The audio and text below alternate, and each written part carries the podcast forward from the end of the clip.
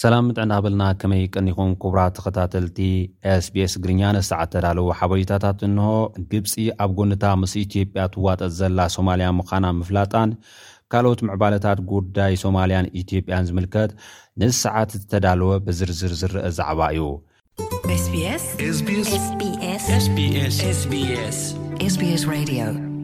ግብፂ ኣብ ጎነታ ምስ ኢትዮጵያ ትዋጠጥ ዘላ ሶማልያ ምዃና ገሊፃ ፕረዚደንት ግብፂ ዓብዱልፋታሕ ኣልሲሲ ሃገሩ ነታ ምስ ኢትዮጵያ ወጥሪ ኣትያ ዘላ ሶማልያ ከምትድግፍ ገሊፁ ኣሎ ኢትዮጵያ ብሰኑይ ምስታ ካብ ሶማልያ ብምግንፃል ርእሰ ምሕደራ ዝኣወጀ ሶማሊላንድ ኣፍደገ ባሕሪ ንምርካብ ዘኽእላ ስምምዕ ሰነድ ከም ዝተፈራረመ ዝዝከር እዩ ምስ ሶማልያዊ መዘንኡ ፕረዚደንት ሓሰን ሸኽ መሓመድ ብቴሌፎን ዝተዘራረበ ዓብዱልፋታሕ ኣል ሲሲ፣ ግብጺ ኣብ ጎኒ ሶማልያ ደው ንምባል ዘለዋ ጽኑዕ መርገጺ ከም ዘረጋገጸሉ ወሃቢ ቃል ኣሕመድ ፋህሚ ተዛሪቡ ኣሎ።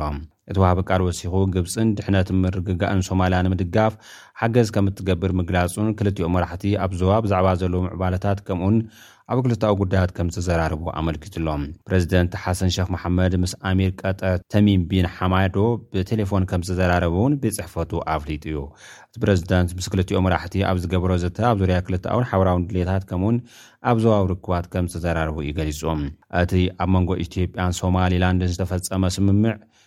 ደገፍን ተቓውሞን ካብ ዝተፈላለዩ ኣካላት እናቐረበሉ እዩ ዝርከብ።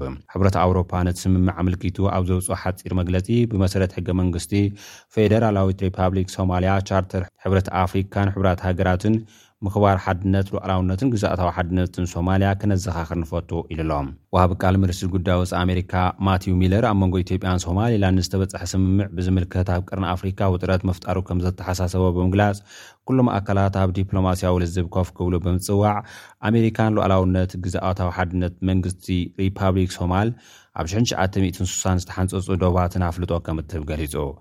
ኣብ ሃርጌሳ ርእሰ ከተማ ሶማሊላንድ ነቲ መንግስቲ እታ ሃገርን ምምሕዳርን ዝድግፍን ዝቃወምን ሰላማዊ ሰልፊ ምክያዱ ድማ ድምጺ ኣመሪካ ጸብጺቡ ኣሎ።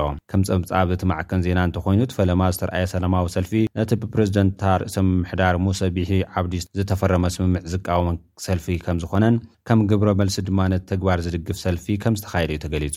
መንግስቲ ሶማል ንዋና ፀሓፊ ውድብ ኢጋድ ዶክተር ወርቅነህ ገበየሁ መንግስታት ሶማልን ኢትዮጵያን ፍልልያቶም ብሰላማዊ መገዲ ክፈትሑ ንዝፀውዖ ኣትሪሩ ብምኹናን ይቕሬታ ክሓትትን ነቲ መግለፂ ክስሕቦን ፀዊዑ ኣሎ። ማሕበራት ሃገራት ዓረብ እውን ኣብ ዘውፅኦ መግለፂ ነቲ ኣብ ኢትዮጵያን ሶማሊላንድ ዝተፈረመ ስምምዕ መዘክር ኣትሪሩ ብምኹናን እቲ ተበግሶ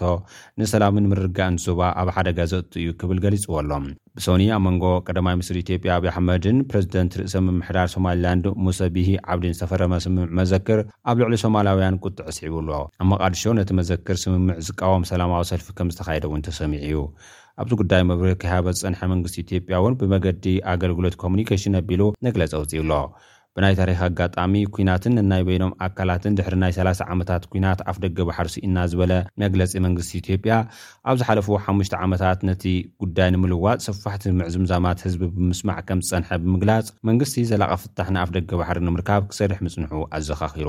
ኢትዮጵያ ንኣፍደገ ባሕሪ ክትብል ኣብ ኩናት ከምዘይትኣቱ ዝገልጽ እቲ መግለጺ፣ ብሰላማዊ መገዲ ንኹሉ ኣካል ብዘርብሕ ጥራሕ ክትገብሮ ምዃና ኣስሚሩሉ'ሎ። ኢትዮጵያ ንንግዳውን ወተሃደራውን ማዕላታት ናይ ወሽመጥ ዓደን ኣፍደገ ባሕሪ ዝኸፍት ክኸውን እንከሎ ከም መላሳኡ ድማ ንርእሰ ምምሕዳር ሶማሊላንድ ብብርኪ መገዲ ኣየር ኢትዮጵያ ዘፍቅድ ምዃኑ ይሕብር። ንጉዳይ ኣፍልጦ ምሃብ እታ ርእሰ ምምሕዳር ድማ ሶማሊላንድ ኣፍልጦ ንምርካብ መንግስቲ ኢትዮጵያ ኣዕሚቑ ክምርምር ምዃኑ ተሰማሚዑ ኢሉ ኣሎ። መግለጺ ኣገልግሎት ኮሙኒኬሽን መንግስቲ ኢትዮጵያ እቲ ዝተፈረመ መዘክር ንዝኾነ ሳልሳይ ኣካል ዘይጎድእን መሬታዊ ሓድነት ካልኦት ሃገራት ኮነ ውዕላት ዘይጻረርን እዩ ክብል ገሊጽዎ ዘሎ እንተኾነ ብመራሕቲ ርእሰ ምምሕዳር ሶማሊላንድ ዛጊት ዝቐርብ ዘሎ መግለጽታት ግን ኢትዮጵያ ኣፍልጦ ክትህባ ምስምማዓ'ዩ ዝሕብር። እቲ ዝተፈረመ መዘክር ዛኪድ ናብ ህዝቢ ዘይተዘርግሐ ምዃኑ ድማ ንብዙሓት ሕቶ ኣልዒሉ'ሎ። ካቢኔ ሶማል ብሰሉስ ኣብ ዝገበሮ ህጹጽ ርክብ ነቲ መዘክር ስምምዕ ኣትሪሩ ከምዝኾነኖ ዝፍለጥ'ዩ። ንልዕልና ሶማል ዝጻባእን ኣብ ጉዳይ ውሽጢ ሃገር ምትእትታውን'ዩ ክብል ፕረዚደንት ሶማል ሓሰን ሸኽ መሓመድ ነቲ ስምምዕ ውዱቕ ከምዝገበሮ እውን ኣይርሳዕን። ሚኒስትሪ ውሽጣዊ ጉዳያት ሶማሊላንድ ዝኾነ መሓመድ ካሂን ብወገኑ ብሰሉስ ንጋዜጠኛታት ኣብ ዝሃቦ መብርሂ ሶማል ንሶማሊላንድን ኣካል ምሕደራን ኢላ ምጽውዓ ወግዓዊ ይቕሬታ ክትሓትት ንጽበ ኢሉ ኣሎ። ኣገልግሎት ዜና ኣሶሴይትድ ፕረስ ከምዝሓበሮ ጉጅለ ኣልሸባብ እውን ነቲ ስምምዕ መዘክር ኣትሪሩ ብምቅዋም ህዝቢ ሶማል ኣንጻር ዝዓበየ ጸላኢ ሓቢሩ ክቃለስ ንጽውዕ ክብል ጸዊዑ ኣሎ። በይነ መንግስታት ዞባዊ ውድብ ኢጋድ ኣብ ተመሳሳሊ ኣብ ዘውጽኦ መግለጺ ድሕሪ'ቲ ምፍርራም መዘክር ስምምዕ ኣብ መንጎ ሶማልን ኢትዮጵያን ዝተፈጥረ ወጥሪ ዝተሰምዖ ሓዘን ገሊጹ ክልቲኦም ኣባል ሃገራት ንመትከላት'ቲ ውድብ ተልእኦ ተኸቲሎም ፍልልያቶም ብሰላማዊ መገዲ ክፈትሑ እዩ ተማሕጺኑ። ኣምባሳደር ኣሜሪካ ኣብ ኢትዮጵያ ነበር ቲቦር ናጂ ግን ኣብ ማሕበራዊ ገጻት ኤክስ ኣብ ዝዘርግሖ ጽሑፍ እቲ ስምምዕ መዘክር ንክልተ ወገናት ብማዕረ ዘርብሕን ጽቡቕ ገስጋስን ክብል ጸዊዕዎ ኣሎ። ኣስታት ኣርባዕተ ነጥቢ ሓሙሽተ ሚልዮን ህዝቢ ከም ዘለዋ ዝንገረላ ሶማሊላንድ ኣብ ትሕቲ ምምሕዳር እንግሊዝ ዝነበረት ኮይና ካብ ግዝኣት ኢጣልያ ዝነበረት ሶማል ብ ሽሕን ትሽዓተ ሚእትን ተስዓን ሓደን ዓመተ ምህረት ፈረንጂ ናጽነታ ዝኣወጀት እያ።